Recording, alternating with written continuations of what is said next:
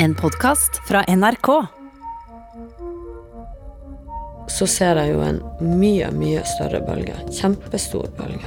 Andre juledag i 2004 blir store kystområder i Asia brått truffet av en gigantisk flodbølge. Og den har knekt, og jeg føler at spissen kommer til å treffe meg i brøstet. Norske turister i Thailand er blant de mange som kjemper for livet.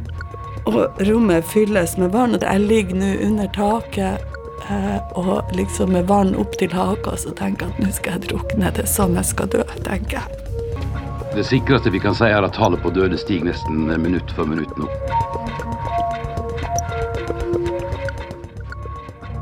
Du hører på hele historien om tsunamien i 2004 av Hege Haug Omre. Den andre av fire deler. Kaos i Kaulak.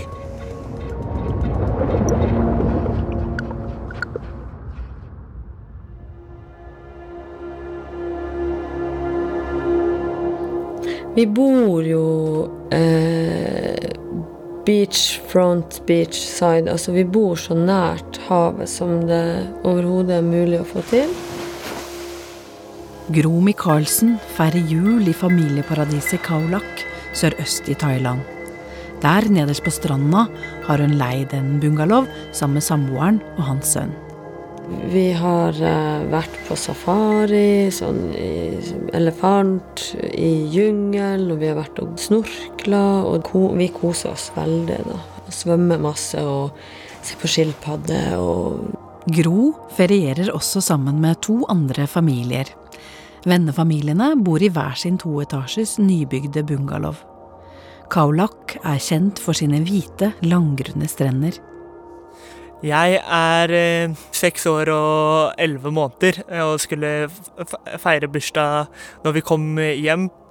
Balder Alvær Olafsen er med moren og faren sin i den andre familien. Han er også storebror til fem år gamle Frøya. Balder har brukt juleferien til å lære seg å svømme. Begynte å også svømme i, i havet, og blitt veldig glad i det. Og elsker å leke i havet og i bølgene. og For to dager siden feiret alle sammen julaften. Jeg fikk en av thaiguttene som jobba der, til å, å være julenisse. Lise Bang Eriksson, i den tredje familien, er mor til yngstemann i følget, Ragnar på to år og åtte måneder. Sammen med de andre barna får Ragnar julegave av thainissen. Nissen kom, jeg husker han Ragnar fikk eh, dykkermaske, og han Balder fikk ei fotballskjorte som han ble så utrolig stolt for. På julekvelden sender de opp papirlykter som lyser opp i den svarte nattehimmelen. Og han, Ragnar og Frøya de sitter og de har et sånt glimt i øyet, for du ser de er så lure, de sitter og hvisker noe til hverandre, og vi andre får ikke vite hva de prater om.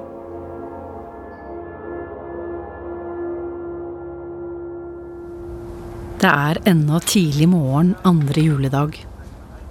Startursjef Espen Vestli, som har ansvaret for de skandinaviske charterturistenes ve og vel sør i Thailand, forlater Khao Lak for å tilbringe en fridag på golfbanen. Spiser ikke frokost engang, for det tenker jeg det tar vi på golfbanen. Og begynner da å spille golf klokka åtte.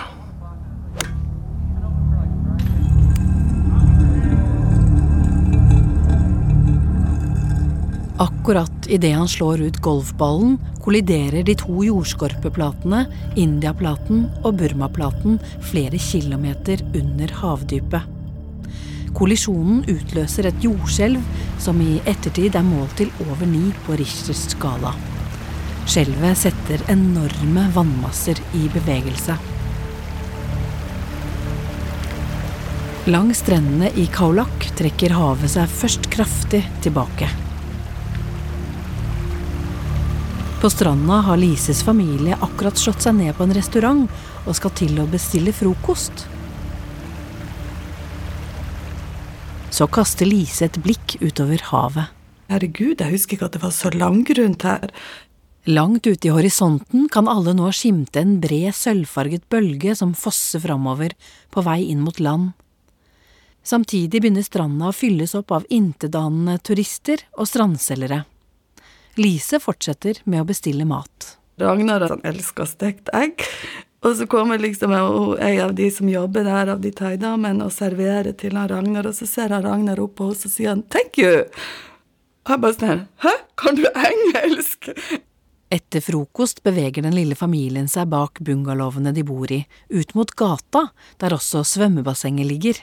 Vi har egentlig ingenting annet med oss enn at han Ragnar har på seg badebukse og sine blå svømmearmer, og jeg har bikinien på meg.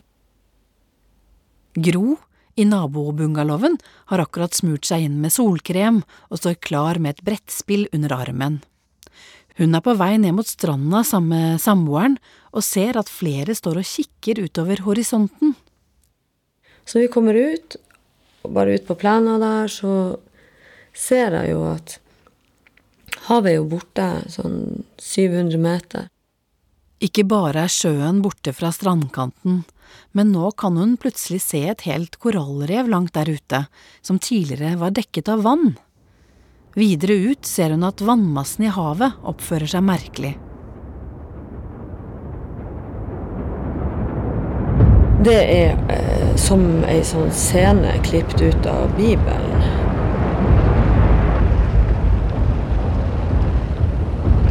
Altså, det er sand, sand, sand, sand, og plutselig så går havet rett opp i lufta. Kanskje fem meter. Rett opp, som en vegg. Oppå der så ligger det to sånne marinefartøy som helt åpenbart kjemper og strever for å prøve å komme seg ut. En thailandsk prins er også på ferie i Kaolak. Nå henger og dingler vaktbåten hans som lette dupper i de kraftige bølgene. Jeg blir livredd. Jeg sier til han Kimmen det her er dritfarlig. De andre barna i familiene er i full sving med å leke bondegård i en av bungalowene. Der er femåringen Frøya med lange fletter og storebror Balder kledd i den røde og svartstripete fotballskjorta han fikk på julaften. Eh, og en er gårdsdrift, og vi andre er eh, dyr og ulike ting ved en- bondegård. Og er egentlig i, full sving med det, eh, med det. Og så, etter å ha lekt litt, så får vi egentlig sånn streng beskjed eh, om at eh, nå er leketid over. Og så blir vi egentlig tatt opp eh, på, på andre etasje, der pappa og mamma bodde. Tett i tett står Balder sammen med de andre barna og foreldrene sine i andre etasje i bungalowen. Han hører de voksne roper etter de som ennå ikke er kommet seg innendørs.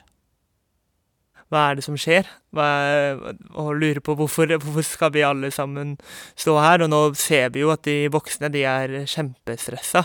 Gro, vi er her. Alle sammen er her.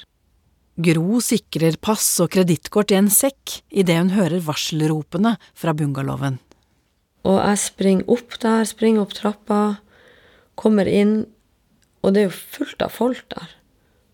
Det var de thailenderne som jobba i restauranten, hotellet og de ved siden av.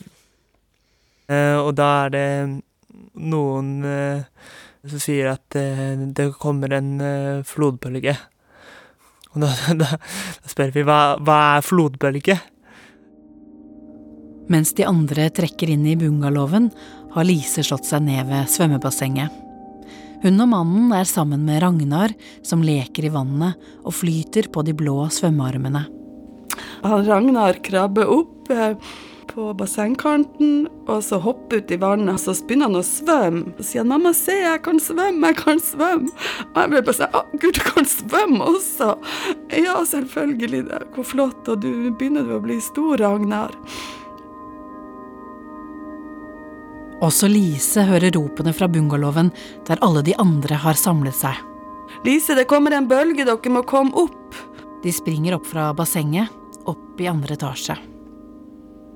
Sånn Anders tar og løfter Ragnar opp på armen. Jeg tenker at ja, men herregud, om det kommer en bølge, det her er helt safe. I andre etasje i bungalowen speider Lise ut stuevinduet, ut mot havet. Så ser du på en måte noe som kommer rullende mot oss. En grå, buldrende vegg av vann fosser innover mot stranda.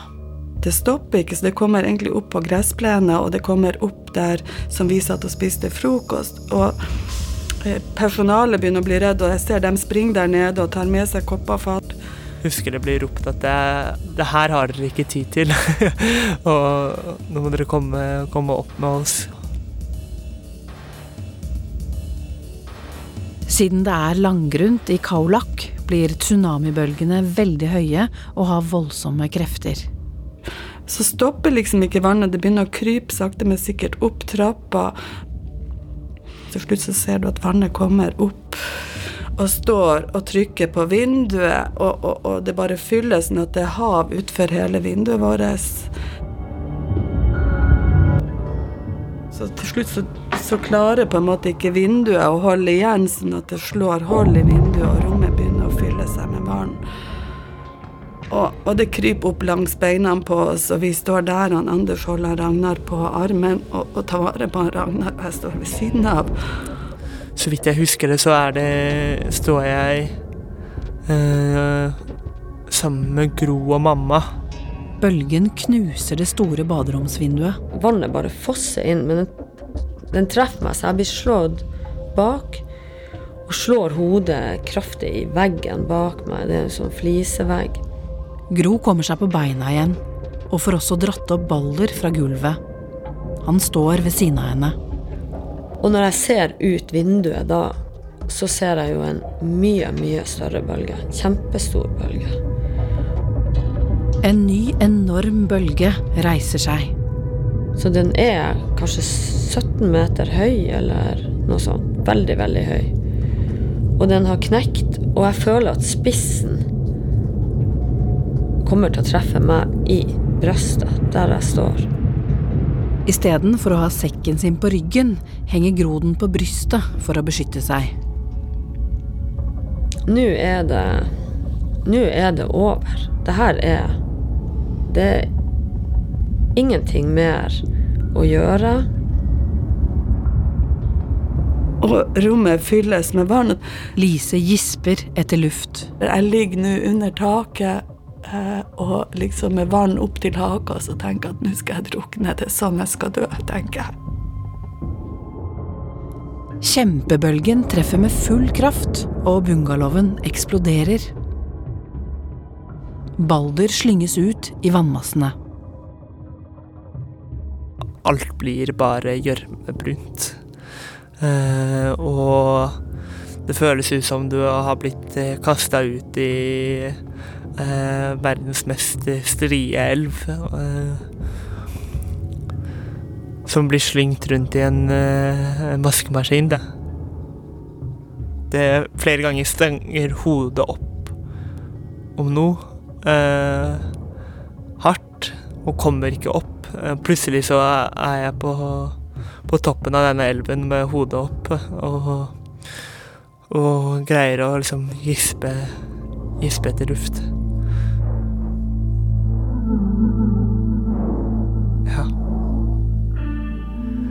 Det er jo ingenting som er gjenkjennbart. Havet som var blått, er gjørmete. Eh, landsbyen som lå rundt oss eh, er jo ikke å, å, se noe plass. Og i det her så er det jo på en måte ikke så mye du får gjort når du er eh, seks år og elleve måneder gammel. Noen meter unna kommer en hotelldør seilende, og han klarer å få fatt i det runde håndtaket. Ja, så der ligger jeg, da, på tvers på denne døra, og, og suser innover land. Ser eh, hustopper forsvinne, så det er sikkert gått i 30-40 km i timen. Balder tviholder på hotellromsdøra. Men da er jeg sliten. Kreftene ebber ut, og han velter av døra. Det er jo veldig merkelig i denne verden, da. Så, for der kommer det en ny dør. Den nye døra er større. Han legger seg på den, fullstendig utmattet.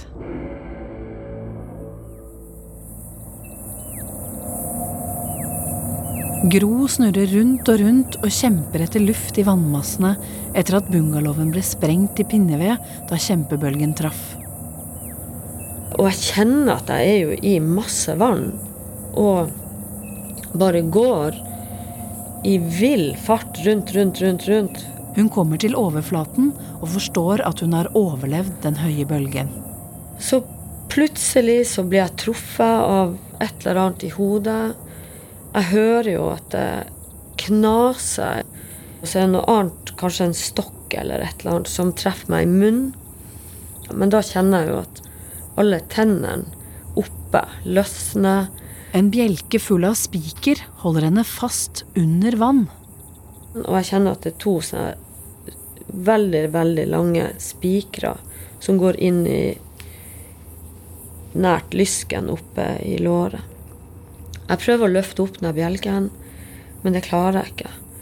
Og jeg begynner å gå tom for luft. Til slutt greier Gro å trekke ut spikerne i låret og kommer seg til overflaten. Det er bygningsrester med skarpe armeringsjern som kan spidde overalt i virvelstrømmen. Gro driver videre innover land med vannmassene. Hun kjenner igjen rester av hus og butikkene inne i landsbyen glir forbi 7-Eleven. da. Hun klamrer seg fast til et flytende palmetre. Da er ikke havet hav lenger, det er bare ting. Det er biler og motorsykler og drive, knuste møbler. Jeg har mer enn nok med å prøve å, å ikke bli begravd. Videre kaster Gro seg på en drivvedøy bestående av solmadrasser. Plutselig kjenner hun bunnen med føttene. Hun kan stå oppreist. Det kommer en asfaltert vei rett ned i havet, så jeg bare går bort dit. Går rett opp på den asfalterte veien. Og der står det folk som skal på jobb, som er tørre, har fine, nystrøkne klær på seg, står der med mopedene sine. De skjønner jo ingenting, for havet er jo nå to 2,5 km opp liksom på tørt land, ikke sant. Startur-sjef Espen Vestli er intetanende om hva som utspiller seg på stranda han forlot samme morgen. Han er godt i gang med å bevege seg fra hull til hull på golfbanen. Eh, helt fram til hull eh, 14. Da ringer telefonen, og da er klokka blitt eh, halv ti og sier det at uh, det har vært en bombe innen et supermarked, eller et eller annet sånt, sier han. Bombe, sier jeg. Hva, hva? Ja, det kommer noen her med masse blod, og de skriker her og løper rundt i gatene. Oi, sier jeg. Jeg får ringe Duty Office. Duty Office er, eh, er eh, sentralen i Stockholm, der hvor alle sånne ja, situasjoner må bli rapportert inn med en gang. Han får en ny telefon fra kontoret i Phuket med en kontrabeskjed. Jeg vet ikke omfang, men det er en flodbølge. Og da var det full alarm. Det blir ikke noe slag ved hull 14. I all hast setter han fart mot kontoret for å skaffe seg oversikt over de 3500 skandinaviske turistene og alle ansatte som han har ansvar for. Ja, Vi kan ikke få tak i den personen, og vi kan ikke få tak i den personen. Og det var mange kollegaer vi ikke kunne få, få, få tak i. Telefonnettet legger seg ned. Vi, eh, vi får ikke tak i noen, og da blir jeg stressa.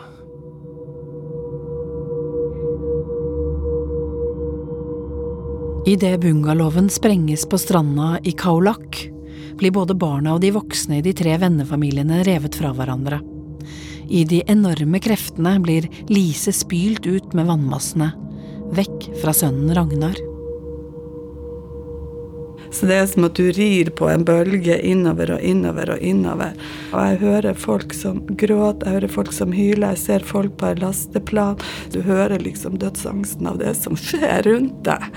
Eh, en lyktestolpe med en gnistrende strømledning knekker foran henne. Så svartner det for meg, og jeg blir helt borte. Når Lise kommer til bevissthet, kjemper hun for å holde seg flytende i havet av treverk og møbler som presser på. Etter hvert som vannet roer seg, får hun øye på en stor stein og bruker de aller siste kreftene på å svømme dit. Bølgen har tatt henne to og en halv kilometer innover i landet. Og så sitter jeg og ser hvileløst utover eh, alt som er rundt meg eh, av forferdeligheter av huset. Så tenker jeg hvor er han Ragnar, hvor er han Anders? Og så begynner jeg å speide mens jeg sitter og speider utover vannet da, så, så, og leter etter dem. Eh, så, så ser jeg plutselig ei dør som ligger i vannet, og så ser jeg en kropp som ligger oppå den døra. Og så ser jeg på den kroppen den fotballskjorta som han Balder fikk i gave hos nissen, så tenker jeg at der ligger jo Balder, og så roper jeg 'Balder, Balder', men han svarer meg ikke. Hun hiver seg ned fra steinen og svømmer ut i Balder. Så tar jeg han i armene mine og løfter han opp, og så tar jeg han med meg, og så hoster han og harker og tømmes for vann, og så våkner han til liv, da. Han er skada i foten. De hviler på steinen en stund før de hører nye rop.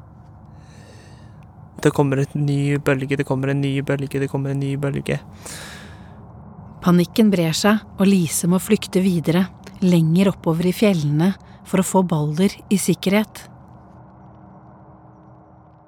Nyhetsredaksjonene mobiliserer med ekstrasendinger.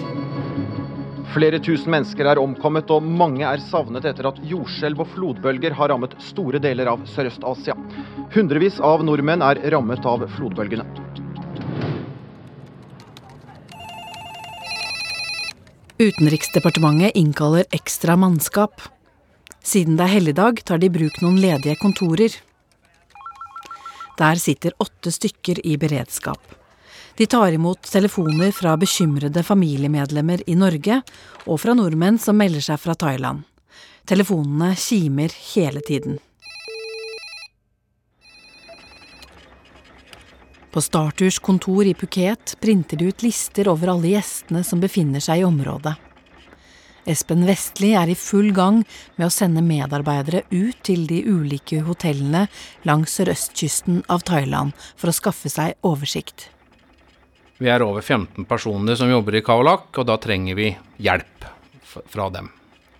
Han trenger at kollegene i Kaolak kommer ned til Phuket.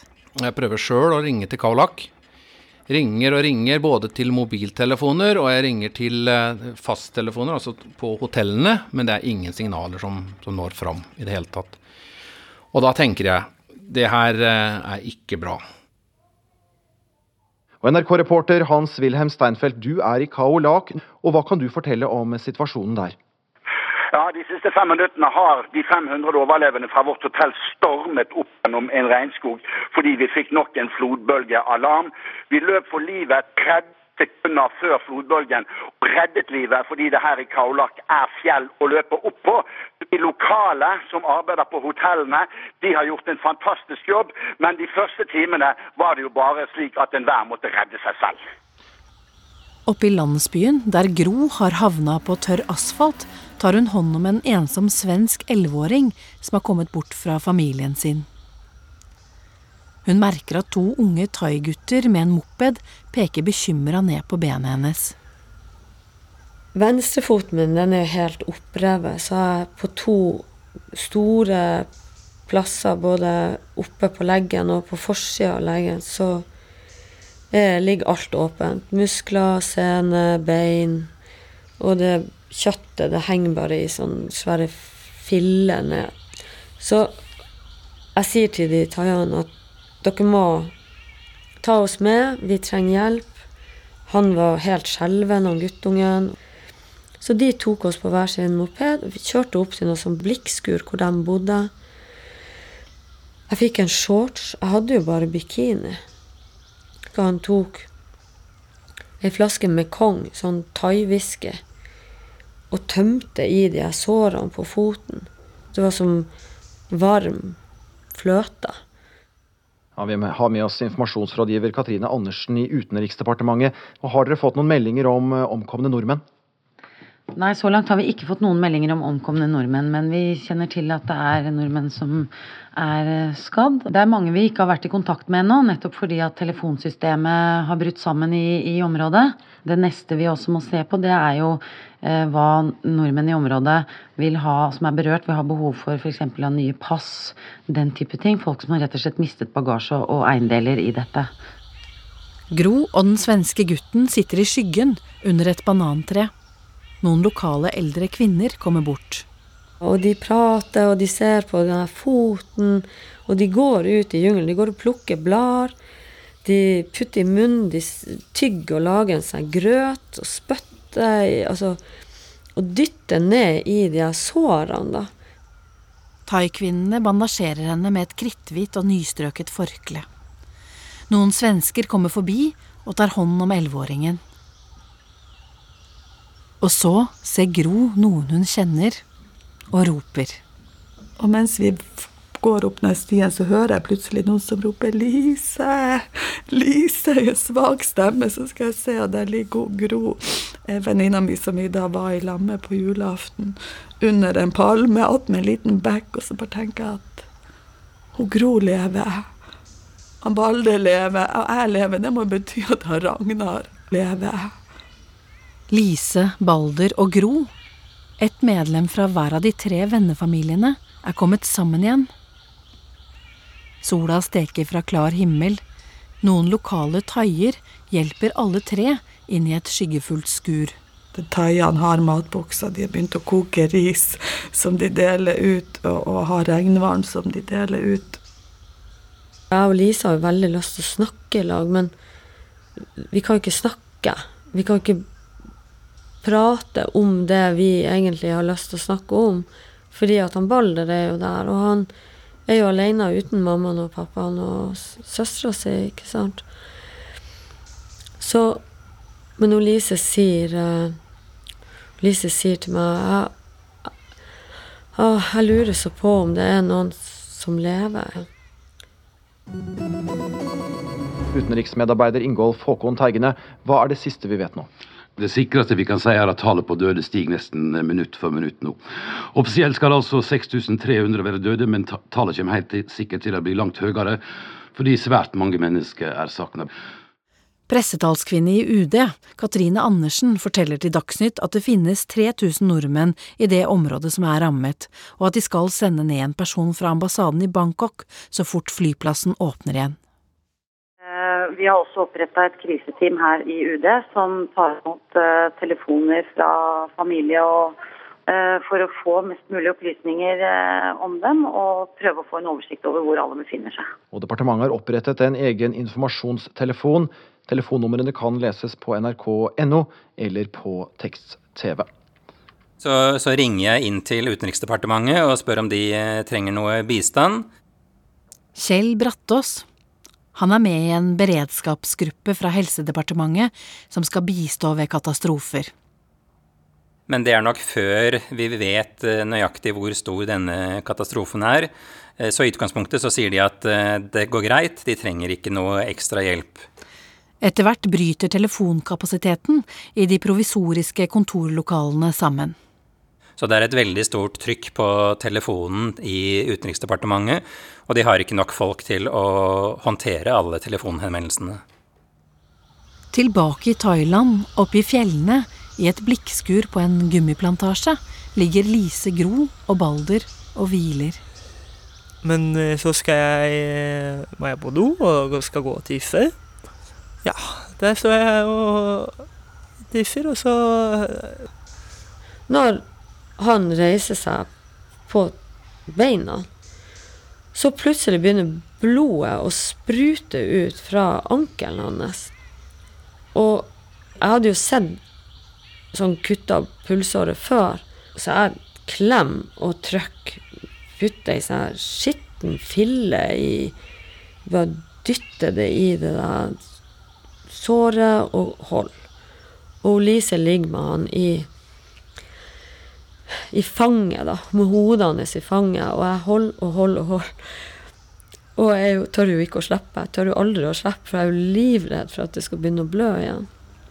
Men uh, Det begynner ikke å blø. De to unge thai-guttene fortsetter å hjelpe. De klarer å få alle tre med på mopedene sine. Det haster med å få dem til sykehus.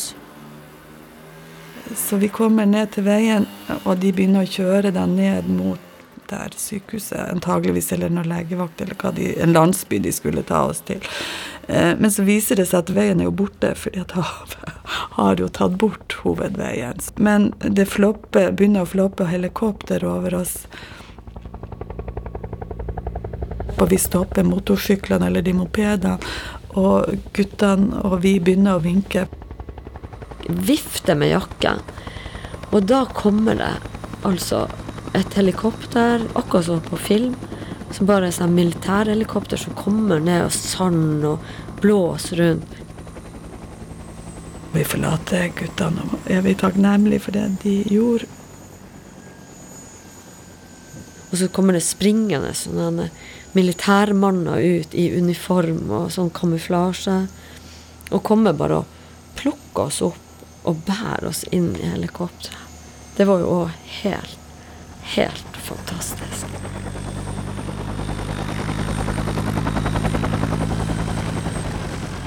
Da, da begynte jeg å gråte veldig. Selv om Lise, Balder og Gro er i ferd med å bringes i sikkerhet, vet ingen av dem hvordan det har gått med resten av reisefølget. Gro ble revet bort fra samboeren og hans sønn. Lise vet ikke hvor verken mannen eller sønnen Ragnar er. Balder spør jo etter mammaen sin, han spør etter pappaen sin, han spør etter søstera si. Så blir vi flydd da i helikopteret til eh, Takwapa, et sykehus. Du har hørt den andre av fire deler av hele historien om tsunamien i 2004 av Hege Haug Omre. Følg historien videre. Hit til Phuket internasjonale sykehus kommer mange av de skadde turistene fra flodbølgekatastrofen. Hit kom også en liten gutt, en på rundt to år, som ikke kunne fortelle hvem han var, eller hvor han var fra. Jeg hører små unger som gråter og kommer inn på rom hvor det er unger uten foreldre. Det er akkurat som jeg hørte Ragna sin stemme. Episodene får du først i appen NRK Radio. Ansvarlig for lyddesign var Kjetil Hansen. Produsent Kaja Frøysa. Redaktør Siril Heierdal. Jeg heter Kjetil Saugestad og svarer hvis du vil sende en mail til hele historien krøllalfa nrk.no. En podkast fra NRK.